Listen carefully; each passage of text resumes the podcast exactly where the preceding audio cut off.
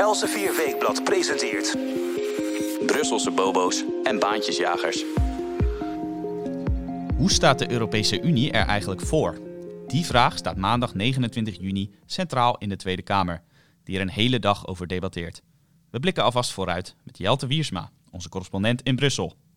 Ook hebben we het over China. Het lijkt erop dat de EU eindelijk zijn tanden laat zien tegenover de regering van president Xi Jinping. En, we kunnen er helaas niet omheen, het Europees Parlement wil dat Nederland afscheid neemt van Zwarte Piet.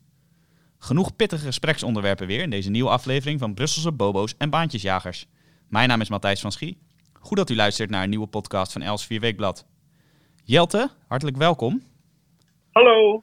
Wij nemen deze podcast nu uh, iets meer dan een half jaar op, elke week. En tot nu toe hebben wij gelukkig de Zwarte Pieten discussie elke keer kunnen vermijden. ja. maar nu, uh, nu kunnen we er eigenlijk niet omheen. We moeten het erover hebben, want het Europees Parlement heeft vorige week besloten dat wij af moeten van Zwarte Piet. Het is, het is nu pas juni, maar hoe komen ze daar nu opeens bij? Ja, je moet er wel om lachen. Die uh, kwestie uh, is op de agenda gezet in Brussel in het Europees Parlement.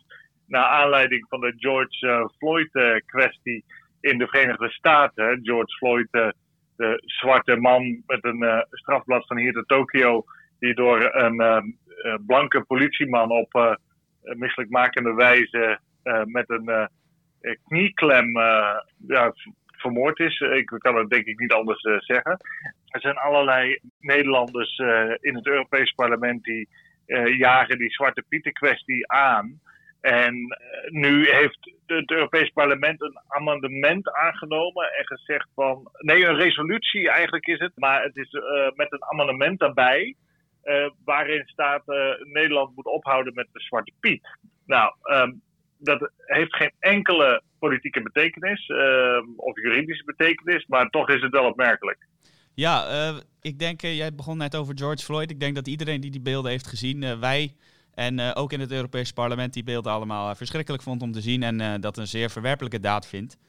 Maar dan is natuurlijk nog steeds de vraag, wat heeft dat dan concreet te maken met Zwarte Piet?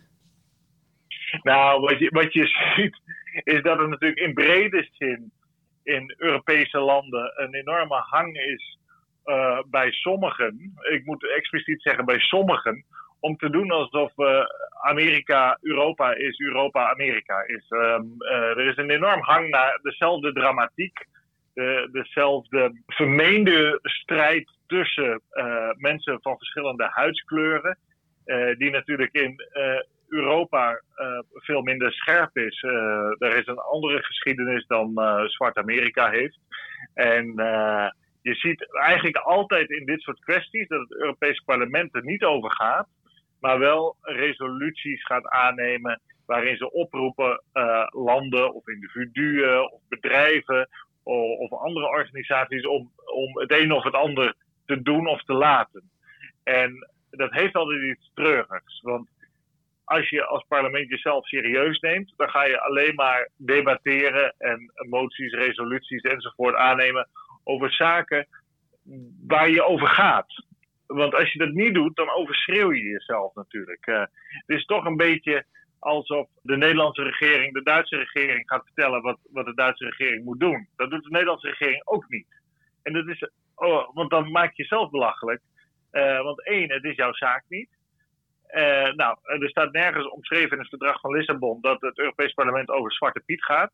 En twee, je maakt jezelf belachelijk omdat uh, je weet dat het toch genegeerd wordt. Dus het is een kwestie uh, die niet juridisch is, Zwarte Piet. Laten we daar heel duidelijk over zijn. Het is niet zo dat in de wet er iets staat van dat dat wel of niet mag. En ik vermoed ook niet dat het er ooit zal komen. En zeker niet op EU-niveau. Dus er is niks voor het Europees Parlement om over te oordelen. Dus ik zou zeggen, hou alsjeblieft je mond erover. Want um, het enige uh, wat je hiermee doet, is jezelf belachelijk maken.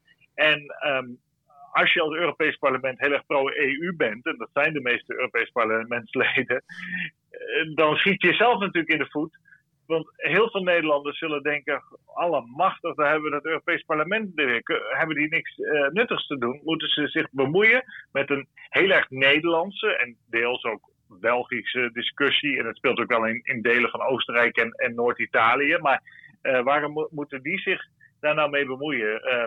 ja, zeer onverstandig. Maar goed, het is hun keuze om zich zo te gedragen. Ja, uh, het Europees Parlement is al vaker een feestcommissie zonder feest genoemd door premier Rutte. Die uitspraak hebben we hier al diverse keren aangehaald. Premier Rutte die zich overigens ook kort geleden genoodzaakt zag zich uit te spreken over Zwarte Piet. Naar aanleiding van deze discussie. Nou, dat even terzijde. Maar het blijkt maar weer dat Rutte daar wel een punt had. Want het Europees Parlement inderdaad uh, discussieert eerst over politiegeweld in Amerika. Nou, dat kun je zeggen door de golf uh, van protesten die er ook in Europese steden zijn geweest, is dat misschien nog enigszins te begrijpen. Maar inderdaad, een, eh, een Nederlandse traditie verwerpen of afkeuren als parlement, dat is niet iets waar wie dan ook, ook zeker niet de, zwarte bevolking in Nederland, nou direct iets van gaat merken, lijkt mij. Nee, want de impact is nul. Omdat het geen juridische kwestie is. Dus um, je kan natuurlijk wel moreel je afkeuring uh, uitspreken over het een of het ander. En dat doet het Europees Parlement heel vaak. Hè? Uh, Israël die krijgt altijd op zijn sodomieter van het Europees Parlement dat die dit weer niet goed doen of dat weer niet goed doen. En zo krijg je de hele tijd zaken waar het Europees Parlement niet over gaat, waar ze zich mee bemoeien. En als je dat gaat doen, dan maak je jezelf kwetsbaar. Het is alsof de regering in Den Haag zich gaat bemoeien met de bedrijfsvoering van het opinieweekblad Elsevier. Dat, gelukkig doen ze dat niet. nee, gelukkig doen ze dat niet. Maar dat, eh, als, als ze dat zouden doen, die zeggen ja, Elsevier mag dit of dat niet meer schrijven. Nou, dat kan de regering zeggen. Of, maar ja, of het, de Tweede Kamer zou een motie kunnen aannemen. Elsevier mag dat niet meer schrijven. Nou ja. En dan leggen we dat naast ons neer en dan schrijven we het toch. juist, ja. Simpel, juist, omdat er zoiets bestaat als vrijheid van meningsuiting. Dus ze moeten dit helemaal niet doen. Uh, maar het is wat uh, mooi in de Spectator, het Britse zusterblad van Elsevier, is gemunt een aantal jaren geleden de term virtue signaling. waarbij mensen willen laten zien dat ze toch aan de goede kant van de geschiedenis staan. Ja, wat dat dan ook betekent. Ook wel, hè? Ja, in het, ja, dat is een geweldig, geweldig Nederlands woord. wat eigenlijk de, de lading misschien nog wel beter dekt. Uh, deugdpronken is een vertaling van de virtue signaling. Maar dat zie je de hele tijd. Dat zie je zeker bij mensen die niks anders te doen hebben in het leven. Uh, en dat geldt vaak voor het Europees Parlement, want dat is natuurlijk een enorm parlement. Die gaan over een paar hele serieuze zaken. Maar van de uh, ruim 700 leden, ja, heel veel mensen hangen er maar wat bij. Dat zie je ook aan die mensen. Dat is treurig, maar die hebben gewoon niks, niks serieus te doen. En ja, dan krijg je dit soort zaken ja, niet, niet heel, uh, heel nuttig dus inderdaad. Maar ja, die mensen die uh, moeten blijkbaar ook iets te doen hebben. Dan hebben we het nu eigenlijk gehad over, over een onderwerp waar wij het eigenlijk allemaal wel over eens zijn dat, uh, dat het Europees Parlement wel iets beters te doen heeft. Toch hebben we ook een onderwerp in deze podcast waar jij wel positief bent over de EU, de EU-instituties. Dat gaat namelijk over de, de verhouding van de EU met China. Want er was maandag 22 juni een EU-China-top per video. En uh, daar nam de Europese Commissie best wel stevig stelling hè, tegen de regering van uh, Xi Jinping. Wat was daar precies de aanleiding voor? Ja, dat was heel boeiend. Uh, voor het eerst dat in dit geval de persoon Ursula von der Leyen, de Duitse commissievoorzitter, CDU-lid, heeft gezegd dat China pogingen heeft gedaan, en of die succesvol zijn weten we niet, om in te breken bij ziekenhuizen in EU-landen en bij kennisinstellingen. Uh, dan moet je denken aan universiteiten, laboratoria enzovoort, die onderzoek doen naar een medicijn of een vaccin tegen corona. En dat is toch een kanteling tot nog toe was het zo dat de strijd met China enigszins bedekt werd gevoerd binnen de EU-instituties. Want je ziet dat binnen de EU-instituties er een wens bestaat om los te komen van de Verenigde Staten van Amerika als hoeder van vrijheid en democratie en rechtsstaat. En om die positie in te nemen wil de Europese Unie enige afstand dus nemen van Amerika en hoe doe je dat? Door een soort halve relatie aan te gaan met China. Waardoor je een soort positie inneemt, eigenstandig, ten opzichte van Amerika. Nou, dat is wat mij betreft een waanzinnige positie. Uh, want het Waarom? Gaat om, het gaat om fundamentele principes. waarbij de Verenigde Staten van Amerika en de Europese Unielanden absoluut niet van mening verschillen. Democratie, vrijheid van meningsuiting en rechtsstaat. Ja, veel EU-landen eh, en de EU-instellingen zelf die zullen misschien zeggen uh, met Donald Trump aan het bewind in de Verenigde Staten is onze relatie met Amerika minder goed geworden. Of in ieder geval, het is minder te voorspellen wat de Verenigde Staten gaan doen. Dus gaan wij wat meer onze eigen gang. Is dat niet ook een, een enigszins begrijpelijk standpunt? Ja, dat kan. Je kan verschillende punten hebben, verschillende ideeën enzovoort en verschillende belangen. En dat zal altijd zo blijven. Maar over, de, over een aantal principes daar zijn de Verenigde Staten en de Europese Unie het gewoon volledig eens. Uh, en daar zien ze uh, beide het gevaar van China. De Europese Unie zag het ook wel, de EU-landen. Maar die eh, zaten een beetje te slabakken, zoals ze dat dan zo mooi zeggen.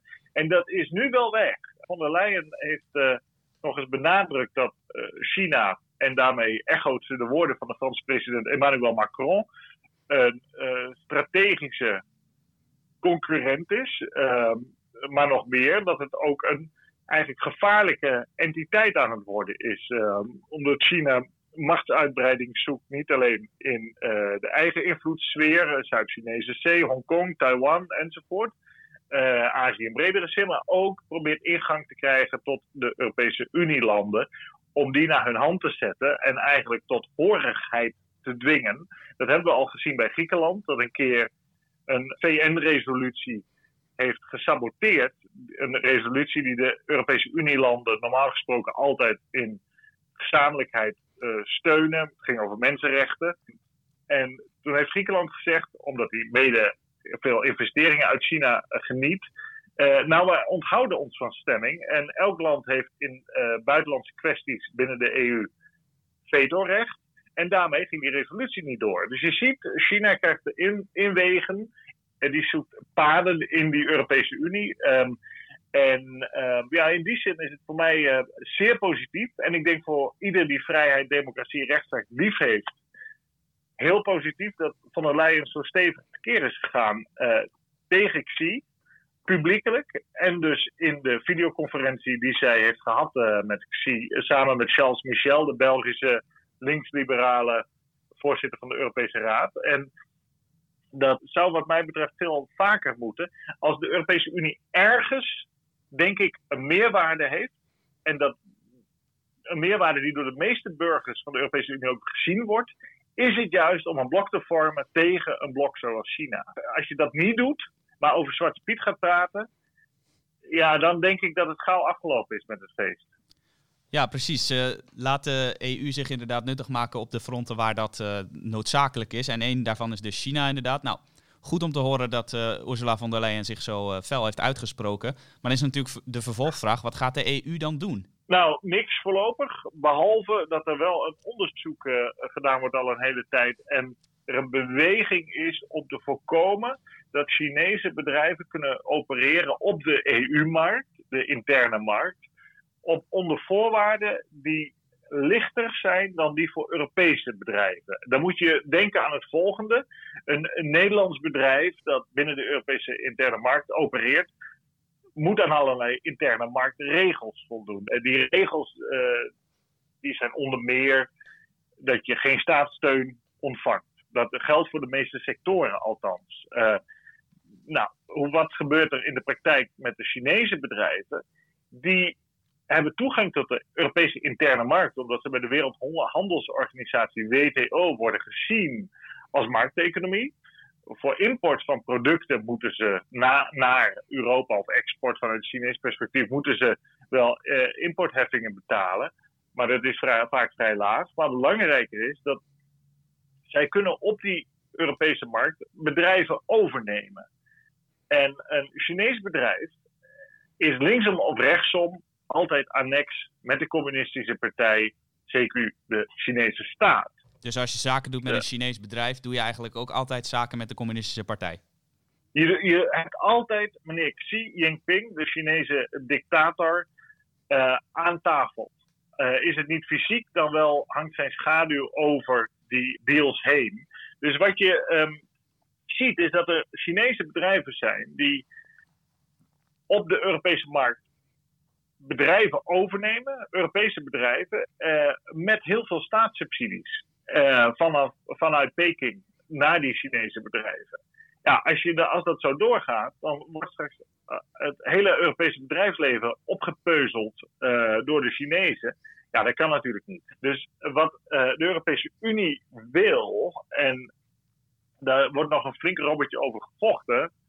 Maar ik ben hoopvol dat er iets uitkomt, is dat uh, bedrijven die op de Europese markt willen opereren, Chinese bedrijven die in Europa zich willen vestigen en willen opereren, of Europese bedrijven willen overnemen, dat die aan dezelfde regels moeten voldoen als Europese bedrijven. Nou, dat lijkt me wel een minimumvoorwaarde, eerlijk gezegd. Uh, dat wordt onder de noemer fair play of gelijk speelveld de hele tijd benoemd.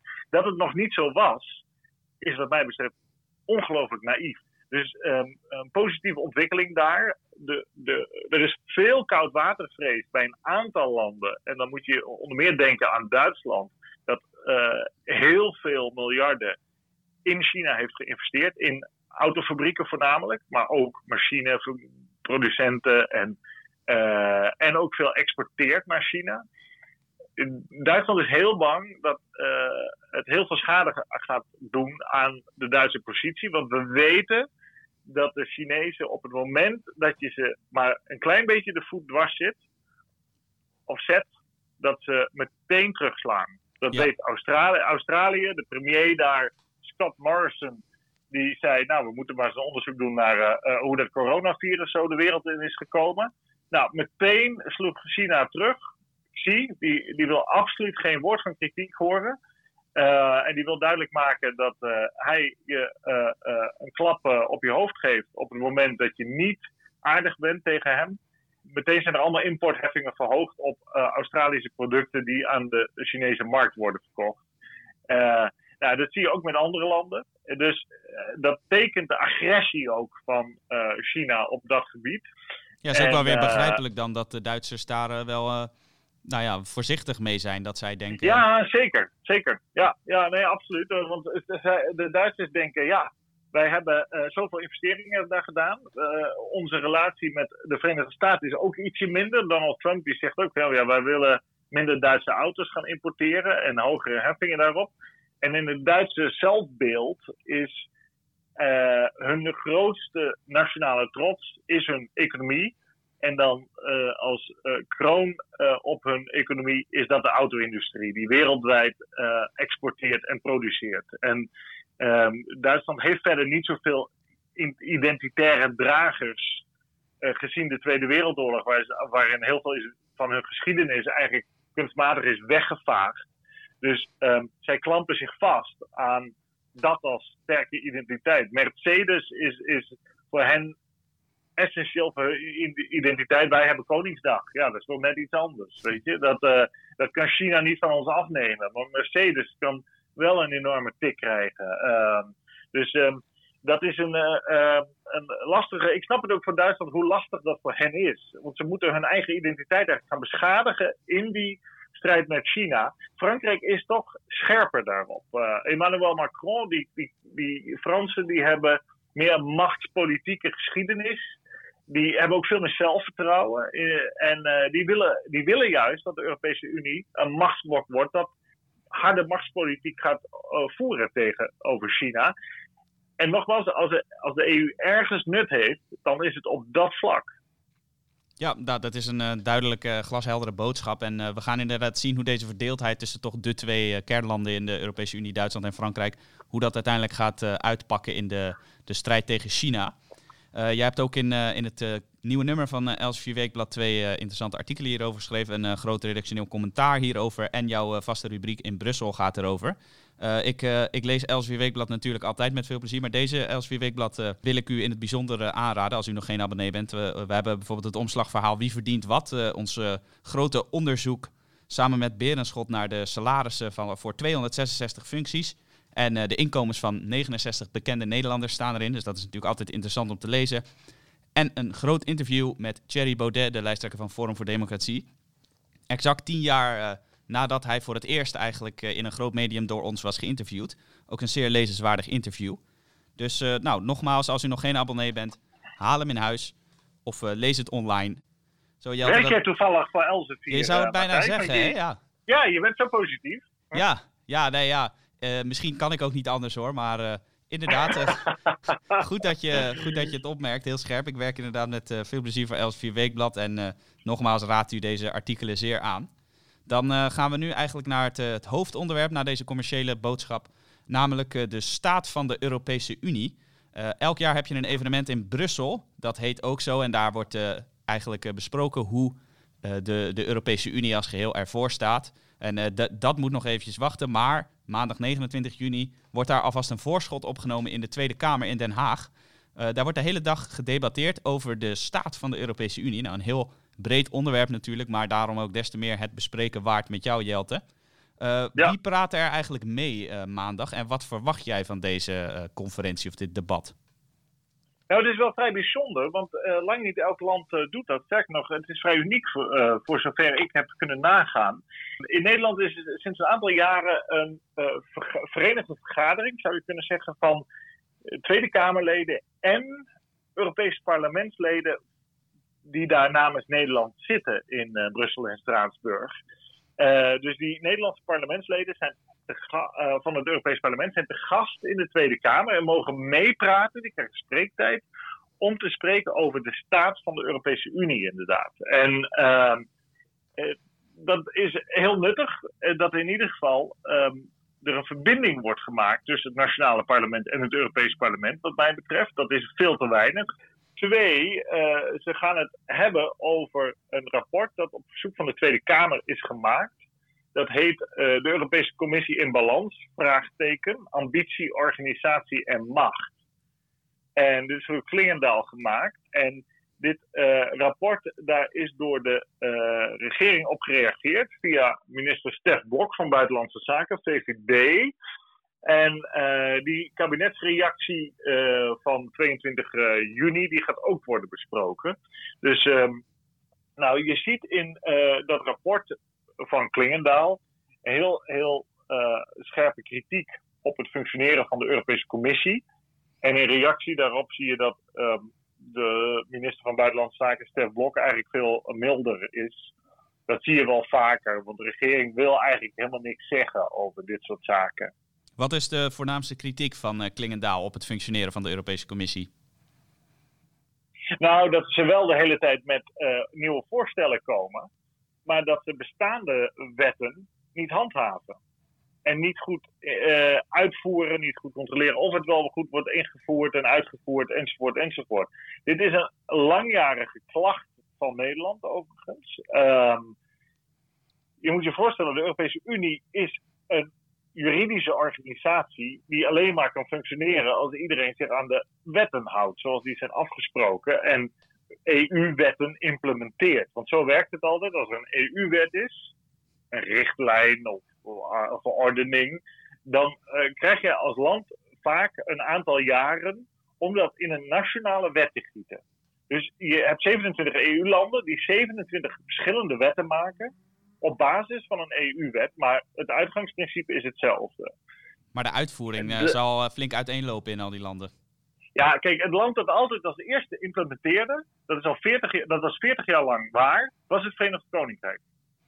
Dus het land dat zogenaamd zo EU-sceptisch was, of anti-EU, dat uh, voerde altijd meteen heel braaf en heel vergaand een EU-richtlijn in. Ja, dus die waren het braafste uh, jongetje van de klas. Zo is het, zo is het. En die deden vaak wat ook wel genoemd wordt goldplating. Die, die voegden er ook nog wel eens wat aan toe. En als mensen dat niet leuk vonden, dan gaven ze de Europese Unie de schuld, wat dan weer niet klopte. Maar uh, je ziet dat Nederland altijd de gedachte heeft gehad, een ambitie sinds de Tweede Wereldoorlog, waarbij onze neutrale positie eigenlijk gebroken werd hè, door de Duitse bezetting dat uh, de, de, de, hoop is gevestigd op internationale instituties die, die grotere landen intomen en voorkomen dat machtspolitiek de kleintjes, zoals Nederland, verdrukt. En uh, wat heb je daarvoor nodig op het internationale toneel? Wetten. Nou, de EU is zo'n wetmakend lichaam. Er zijn nog veel meer. Maar in de praktijk uh, worden heel veel wetten helemaal niet goed nageleefd door de lidstaten. Je daar een paar van geven? Nou, je, je hebt bijvoorbeeld, Nederland doet het zelf soms ook. Hè? De, de, de gokmarkt moet bijvoorbeeld geliberaliseerd worden. Nou, Nederland heeft eindeloos robbertjes gevochten met de Europese Unie over Holland Casino. Wat een staatsbedrijf is. En dat moet eigenlijk dan geprivatiseerd worden en, en dan weer niet. En dus de, Nederland doet er zelf ook aan mee. Hè? De, de stikstofdiscussie speelt ook, daarbij. Nederland voldoet niet aan de EU-wet. Maar na heel veel lobbywerk is er een uitzondering gemaakt voor Nederland. Dat er meer stikstof kan worden uitgestoten hier en meer op het, op het land kan worden uitgereden door boeren. Omdat het rijgras dat boeren veelal op hun land hebben staan, melkveehouders hier in Nederland, veel meer stikstof zou kunnen opnemen relatief dan in andere regio's van Europa. Nou, ik ben absoluut geen bioloog of, of milieukundige, dus ik kan er niet over oordelen. Maar je ziet dat dat uh, daar de hele tijd mee gerommeld wordt. Maar betrekken ook even ons op onszelf als Nederland. Want het is heel snel altijd wijzen naar natuurlijk Polen, waar gerotsoord wordt, of Hongarije, of Italië, of Spanje. Dat is allemaal waar. Daar hebben we het ook uitgebreid over gehad uh, in de vorige podcast. Zo is het, zo is het, exact. Maar wij doen dat zelf dus ook. Wij rommelen er zelf ook de hele tijd mee. En ja, Nederland heeft altijd zijn hoop gevestigd op uh, zogenaamd onafhankelijke scheidsrechters, zoals de Europese Commissie, die die regels handhaven, zodat de groten de kleintjes niet in de verdrukking kunnen brengen. Maar de Europese Commissie handhaaft de wetten niet. Dat, we kennen natuurlijk het beroemde voorbeeld van de euro. Uh, het Groei- en Stabiliteitspact, waarin staat niet meer dan 60% staatsschuld, of in ieder geval bewegen in die richting, niet meer dan 3% tekort op je jaarbegroting dat heeft de commissie nog nooit gehandhaafd. Ja, op een gegeven moment voldeed echt geen enkel land aan die regel, ook Nederland niet overigens. en, en dan moet de commissie gewoon boetes gaan uitdelen. Of inbreukprocedures gaan beginnen. Of alle, eh, die macht hebben ze. Maar dat doen ze niet, omdat ze altijd kapot worden gelobbyd door landen. Maar nog meer geldt dat zij willen niet de boeman zijn. Zij willen uiteindelijk uh, tot een soort Europese republiek komen. Zij willen de Europese regering worden. En om uh, mensen niet van zich af te stoten, niet voor het hoofd te stoten, uh, wil de Europese Commissie niet als scheidsrechter optreden. Want ze willen niet de schuld krijgen van als iets misgaat. als een land zich niet aan de regels houdt, dan. dan ze willen niet een stevige heelmeester zijn voor de stinkende wonden. En dat maakt dat uh, ja, de Europese Unie er gewoon niet lekker uitziet. En dat, dat lees je ook tussen de regels door bij Klingendaal. Van ja, dit gaat helemaal niet goed zo. Want uh, de EU wil, doet wel elke keer meer voorstellen. Maar handhaven, ho maar. En daar, daar kan natuurlijk niet. Dat is interessant. Uh, wat ik ook interessant vind is dat jij uh, eigenlijk zegt uh, de, de Europese Commissie mag wel wat, wat daadkrachtiger optreden en wat strenger handhaven. Dat is natuurlijk uit jouw mond zeker interessant om te horen, aangezien jij in deze podcast en in jouw stukken regelmatig hebt gepleit voor een niet al te sterke, machtige, centraal georganiseerde Europese Unie. hoe komt het dan dat jij op dit vlak wel zegt van hier moet de Europese Unie duidelijk wat meer daadkracht tonen? Nou, het enige wat ik zeg is dat de Europese Unie moet doen, of de Europese Commissie specifiek, waarvoor, waartoe zij op aarde is. En uh, de Europese Commissie is niet op aarde om meer macht te verwerven. Maar dat, doen ze, dat proberen ze wel de hele tijd. Dus meer macht verwerven, meer geld naar zich toe trekken, meer regels maken die onder controle staan van die Europese Commissie, waarmee zij uh, zichzelf opnieuw machtiger maken. Maar daartoe zijn zij absoluut niet op aarde. Wel, zijn er wel toe op aarde om de bestaande regels te handhaven. En als ze dat niet doen, uh, dan uh, verraden ze zichzelf als machtswellustelingen en niet uh, als een keurige scheidsrechter. En dat is een goede ambitie. Hè? Ik bedoel, een scheidsrechter um, ik kan toch als ambitie hebben, ik probeer me zo neutraal mogelijk op te stellen en ik probeer zoveel mogelijk naar de letter en de geest van de wet te opereren. Zeker. Dat is een, heel, een nobel streven. Ik ben er niet per se, uh, uh, ik ben niet per se voor of tegen de Europese Unie in de zin van uh, dat ik daar nu allemaal uitspraken over wil doen. Maar heel belangrijk is dat um, als je dan die afspraken hebt, komt ze dan ook na. En dat gebeurt heel vaak niet. En dat doen de landen niet en de Europese Commissie handhaaft niet. En uh, de Nederlandse regering is daar ook gefrustreerd over. De Nederlandse regering wil ook altijd een kleinere commissie. Zo blijkt uit de brief van uh, Stef Blok. minder EU-commissarissen die beter hun werk doen. En minder EU-commissarissen betekent al automatisch minder voorstellen. Want je ziet al veel voorstellen komen onder meer omdat er zoveel EU-commissarissen zijn. Je hebt wel gezien dat de Nederlandse regering heeft geprobeerd, dat is al tien jaar geleden gebeurd, om de Europese Commissie te stroomlijnen. En dus niet meer 27 of toen 28 commissarissen te hebben die allemaal voorstellen doen de hele tijd. Nee, uh, om uh, er een kerstboom van te maken. Met de commissievoorzitter bovenaan. En dan gradueel minder belangrijke commissarissen. Dus een hiërarchie aan te brengen in die commissie. Waarbij de commissie één programma heeft. Eén programma. Waarbij de commissarissen zich allemaal achter dat programma scharen. Waarbij de commissie ook niet andere dingen uh, initieert buiten dat programma om. Nou, dat, dat is niet helemaal gelukt. Sterker nog, dit was uh, mede een idee van uh, de permanent vertegenwoordiger van Nederland, Robert de Groot, die nu in Brussel zit, maar toen de Europaman, de grote Europaman was bij Buitenlandse Zaken. Die heeft dit bedacht, maar dat is als een boemerang teruggekomen bij Nederland. Want dat is eigenlijk uitgelegd als oh, we hebben een uh, agenda als commissie, een, soort uh, regeerakkoord. En uh, we hebben veel meer macht daardoor, want dat wordt ons nu eigenlijk toegespeeld door de landen. dus dat, dat leidde tot iets wat Nederland helemaal niet wilde. Dat de commissie wel meer een kerstboom werd, maar eigenlijk een sterker blok werd. Nou, nu onder Van der Leyen is het een zootje. Uh, het gaat alle kanten op. Er zijn, kijk, Van der Leyen is niet de sterkste voorlopig. Er zijn een paar kanonnen, zoals Phil Hogan uit Ierland. Uh, en een aantal anderen die, die haar toch wel negeren.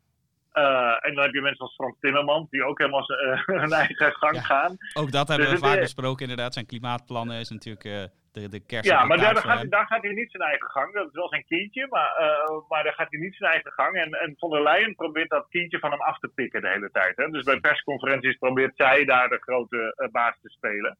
Maar de, je ziet dat het eigenlijk een rotzooitje is. En de commissie doet niet wat zij moet doen. De regels uh, handhaven. En, Verkeerde prioriteiten dus. En Nederland mag nog wel eens, wat mij betreft, wakker worden. In de realiteit van die EU-politiek. De hoop is dus altijd gevestigd geweest op een neutrale, onafhankelijke scheidsrechter. Die internationale, in dit geval EU-spelregels handhaaft. Dat is het nooit geweest, de commissie. Dat zal het ook nooit zijn. Dat zit niet in de aard van uh, het instituut. Het, het instituut wil meer macht. En Frankrijk, Duitsland en andere landen zullen altijd de commissie dwingen op het moment dat uh, er iets ingewikkelds voor hen is, bijvoorbeeld uh, de begroting, die komt even niet uit, zullen die landen de commissie altijd dwingen geen procedure tegen hen te beginnen. Schandalig natuurlijk, uh, in de zin van Europese gedachten, hè, die altijd zo beleden wordt in Frankrijk en Duitsland. Maar zo werkt het. Het is gewoon keiharde machtspolitiek. Ja, een soort omkoperij dat is de realiteit. Dus in die zin is Nederland uh, niks opgeschoten. Uh, sinds de Tweede Wereldoorlog zou je kunnen zeggen. Met de ervaring dat Nederland toen nou, verdrukt werd door de grootmacht, uh, Duitsland op dat moment. nu speelt dat op een heel ander niveau, gelukkig maar.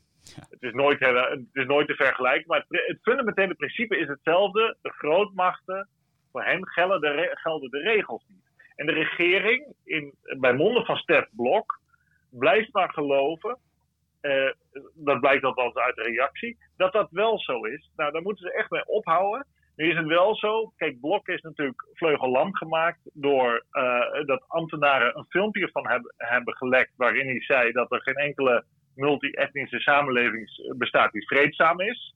En diezelfde ambtenaren bij Buitenlandse Zaken zijn heel erg pro EU-integratie. Ik snap dat nooit helemaal, want als je bij buitenlandse zaken bent, dan wil je zoveel mogelijk buitenland hebben. Uh, maar zij zijn er echt heel enthousiast ervan om de hele Europese Unie tot binnenland uh, om te turnen. Uh, waarmee ze zichzelf grotendeels overbodig maken. Want het belangrijkste het belangrijkste businessmodel van buitenlandse zaken zijn relaties met andere landen in Europa. Maar goed, uh, uh, het is voor mij al raadselachtig hoe die mensen redeneren. Maar ze, ze zijn hun eigen verdienmodel aan het om zeep helpen. Dus je moet, uit die sfeer komt dat. dat moet je, dus het is niet wat persoonlijk zozeer. Het komt uit die sfeer van buitenlandse zaken. En nou ja, dat, daar gaan we zien wat de Kamer en de Europese parlementsleden over gaan zeggen. Ik ben heel benieuwd. Ja, dat belooft best een knetterend uh, debat te worden, althans door bepaalde partijen, kan ik me zo voorstellen. Maar als ik het zo hoor, dan is Klingendaal uh, niet bepaald uh, positief over heel veel kanten van de, van de Europese samenwerking. En als ik jou zo hoor, jij ook niet, omdat jij zegt, nou, heel veel zaken, zoals inderdaad de grote landen die met bepaalde dingen wegkomen, dat, dat belooft niet heel veel goeds voor de toekomst. Maar heeft Klingendaal of de Nederlandse regering, hebben die daar ook nog een, een opvatting over van wat moet er nou wel gaan gebeuren de, de komende jaren? Ja, ze praten met heel veel uh, meel in de mond. Maar er staat wel van ja, een kleinere commissie dus. Een commissie die, die uh, eerst kijkt naar vorm en dan naar inhoud. Dus maak nou eerst de structuur van de commissie eens wat logischer voordat je met allerlei nieuwe plannen komt. En ze hebben wel een aantal doelen waarbij de, waar de commissie zich uh, mee moet bemoeien. Maar in de praktijk trekt de Nederlandse commissie zich natuurlijk helemaal geen bal aan van wat de Nederlandse regering vindt. Dat gaat toch nergens na, naartoe. Dan klinkt het bijna alsof de cirkel een beetje rond is. We begonnen met een uh, resolutie die geen waarde heeft in het Europees Parlement over Zwarte Piet. Ja. Uh, en dan hebben we het nu over een bijeenkomst in de Tweede Kamer die ook weinig waarde heeft. Ja, uh, de Nederlandse politiek moet zich realiseren dat alles is machtspolitiek. En dat daalt maar heel slecht in in Den Haag. En dat snap ik ook wel, want Nederland is een compromissenland. Een land van minderheden met weet ik hoeveel partijen. 14 of 15 zijn er elke dag meer in de Tweede Kamer. En toch is er elke keer een regering te vormen die ook nog dan vier, vier en een half jaar zit. Dus dat is Nederland. Uh, en mensen in Nederland praten altijd over invloed en zelden over macht. Hè? Dat is het woord, invloed. Want eh, macht, dat vinden we allemaal ingewikkeld en zo. Dat laten we liever aan Macron over. Precies, exact. Volwassen landen, die praten gewoon over macht. Over power. Hard power in de militaire zin, zoals Frankrijk dat ook heeft. En economische power, je, je draait gewoon iemand anders uh, uh, de nek om uh, die niet doet wat je wil. Als jij de grootste bent. Dat doet Amerika ook. Die dwingt gewoon Mexico en Canada tot een ander vrijhandelsverdrag, NAFTA. Die zegt ja, wij zijn de grootste. Jullie zijn afhankelijker van ons dan wij van jullie. Wij bepalen de voorwaarden. En dat, zo, China doet dat in Azië. Zo werkt de wereld nou één keer. Duitsland en Frankrijk doen dat in de Europese Unie. Die uh, zeggen, ja, als het ons niet uitkomt, dan, dan, ook al zijn er ooit regels aangenomen waarin staat dat het anders moet, dan doen we het toch. Nou noem je natuurlijk wel de, niet de minste landen. Je noemt Amerika, China, Duitsland, Frankrijk. Dat zijn natuurlijk allemaal grote landen met veel inwoners. Nou zijn wij weliswaar een heel dichtbevolkt land, maar toch ook een heel klein land. Is het dan überhaupt wel mogelijk om zo'n soort houding aan te nemen? Nou, we zullen altijd speelbal zijn van grote. En uh, laten we ons dat nou beginnen te realiseren. Twee, het idee dat wij aan tafel zitten in Brussel en dat wij invloed hebben, daar wordt altijd over gesproken. Dat is maar tot een heel uh, zekere hoogte waar. Dat is uh, waar in vredestijd. Als alles een beetje lekker loopt en zo. Maar op het moment dat het even niet loopt, dan gaat het meteen anders. Dat zie je met de uh, euroregels. Dan, dan houdt echt niemand zich daar meer aan. Dat kan je wel vergeten. En dan is het gewoon macht. En ieder voor zich. En dat is de lastige positie van een klein land. Over het algemeen zijn mensen in kleinere landen gelukkiger dan mensen in grote landen. Maar mensen in kleine landen weten dat hun land altijd speelbal zal zijn van de grote. Kunnen wij machtspolitiek spelen? Nee, heel vaak niet. Uh, maar soms ook wel een van de belangrijkste instrumenten in de EU op heel veel thema's is het veto. Kan Nederland gebruiken. durft Nederland vaak niet. Uh, want ja, we moeten toch vooruit, is dan de houding. Zo, en dat blijkt ook uit de brief van Buitenlandse Zaken. We moeten toch vooruit en we moeten toch een compromis maken. Nee, dat hoeft niet. Dat hoeft absoluut niet. Uh, twee, je kan altijd voor de opt-out gaan. En dat doet Denemarken heel vaak die zegt: Oké, jullie, willen, jullie willen wel het Europees uh, bedenken. Nou, dat is allemaal prima, maar wij doen even aan dit niet mee. En uh, dat heeft Denemarken geen windeieren gelegd, want die doen bijvoorbeeld aan justitie binnenlandse zaken niet mee. Daardoor hebben ze veel betere controle over hun grenzen, e-, eventueel. En uh, ze doen nog wel een aantal zaken niet mee, zoals de euro natuurlijk. Heel verstandig van ze. Dat moet Nederland ook doen. Ja. want als klein land weet je dat je geen macht hebt. Maar wat je wel kan doen, is in ieder geval zorgen dat je zoveel mogelijk speelruimte nog hebt binnenlands. Want als je dat niet hebt, als je, dat, als je, dat niet, als je die speelruimte niet voor jezelf openhoudt, in je, binnen je eigen grenzen, maar alles onder EU-regels krijgt, dan weet je dat jij als klein landje je er wel aan moet gaan houden. En dat de grote het niet doen. Dus dan maak je de speelruimte voor jezelf kleiner. En dat is een onverstandige koers, lijkt mij. Ja, een uh, nuttig advies inderdaad voor de Nederlandse regering. Wat ik wel dan... Uh... Gratis en voor niks, ja, hè? Ja, dat, ook nog eens, ja. Man, man, man. Ze mogen in Den Haag gewoon bos bloemen naar ons sturen. Ja, daar, daar ben ik het helemaal mee eens, uh, Jelte. Ik zie hem graag tegemoet binnenkort.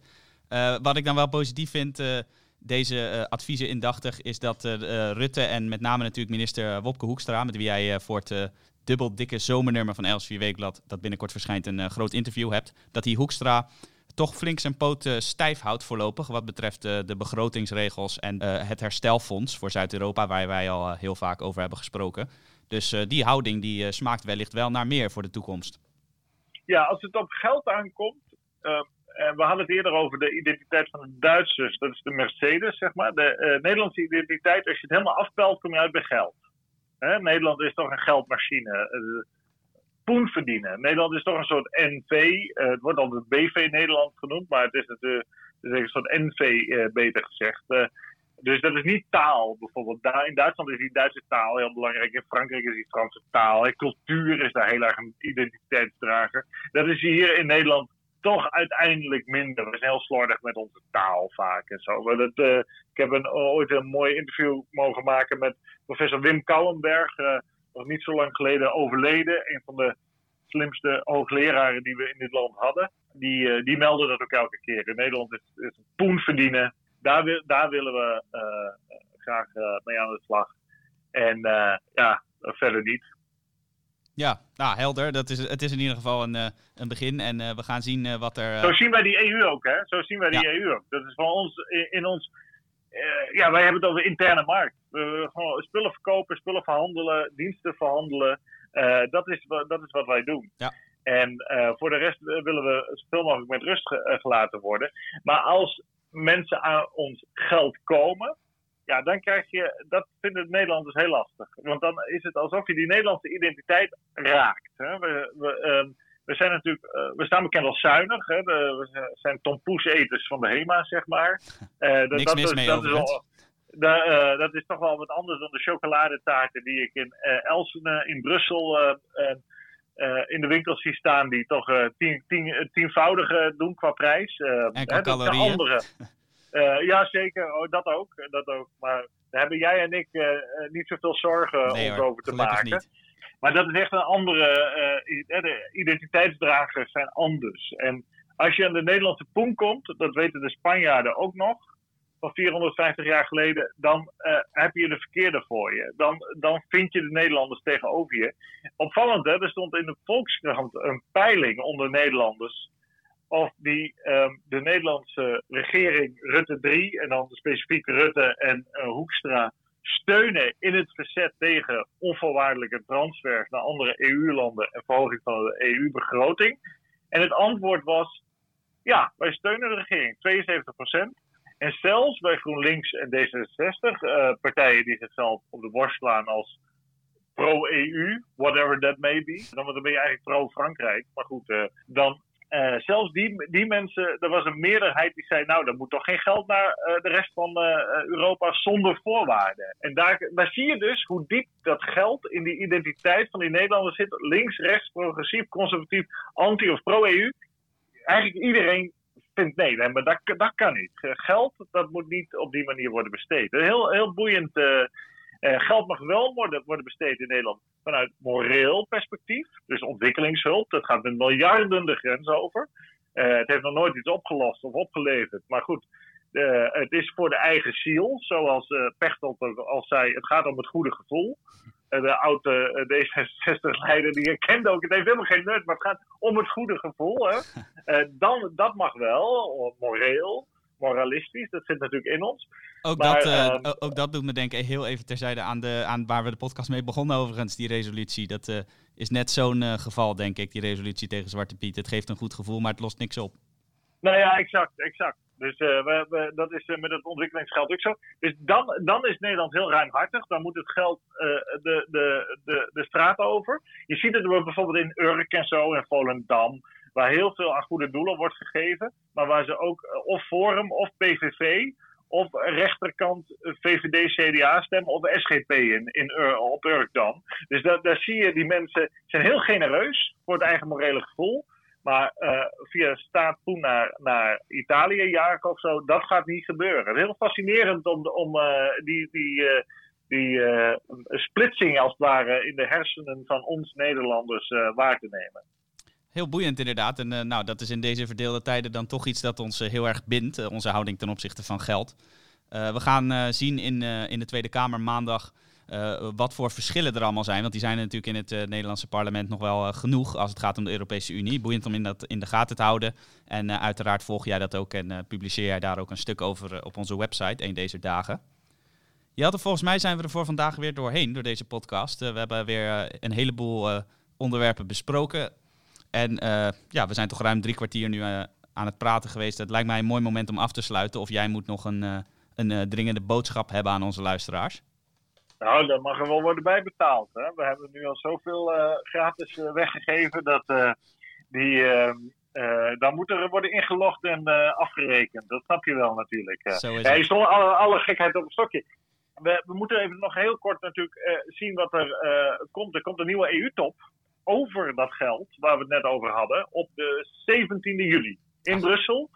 En die zal voor het eerst fysiek zijn weer. Dus het is altijd via video gegaan. Dus het feest gaat weer los. Ik zal erbij zijn en uh, in deze podcast verslag doen. Heel mooi. Mark Rutte heeft gezegd. Uh, nou, er is helemaal geen haast om een uh, deal te maken over de Europese meerjarenbegroting of over die transfers eventueel. En anderen die, zoals Macron en Costa van Portugal, die zeggen nee, dat moet allemaal heel snel, want de nood is aan de man. Want de economische crisis in vooral Zuid-Europa is heel heftig. Nou, we gaan zien uh, of het eh, snel of langzaam gaat, of dat er überhaupt ooit wat van komt. Maar nogmaals, verslag wordt gedaan via deze podcast en de website en het Opinieweekblad. Heel goed, Jelte. Uh, inderdaad, als u nog geen abonnee bent, digitaal op het blad of allebei, dan doe dat vooral, want dan kunt u dit allemaal blijven volgen inderdaad. En u kunt uiteraard ook blijven luisteren naar deze podcast, want wij zijn er volgende week gewoon weer. Jelte, hartelijk dank voor dit gesprek weer. Graag gedaan. Alle, goeds. En zoals inmiddels gebruikelijk in deze coronatijden wensen wij u allemaal het beste en een goede gezondheid toe. En dank voor het luisteren. Graag tot de volgende keer. Daarmee zijn we aan het einde gekomen van deze podcast. Mijn naam is Matthijs van Schie en ik wil u ook hartelijk danken voor het luisteren.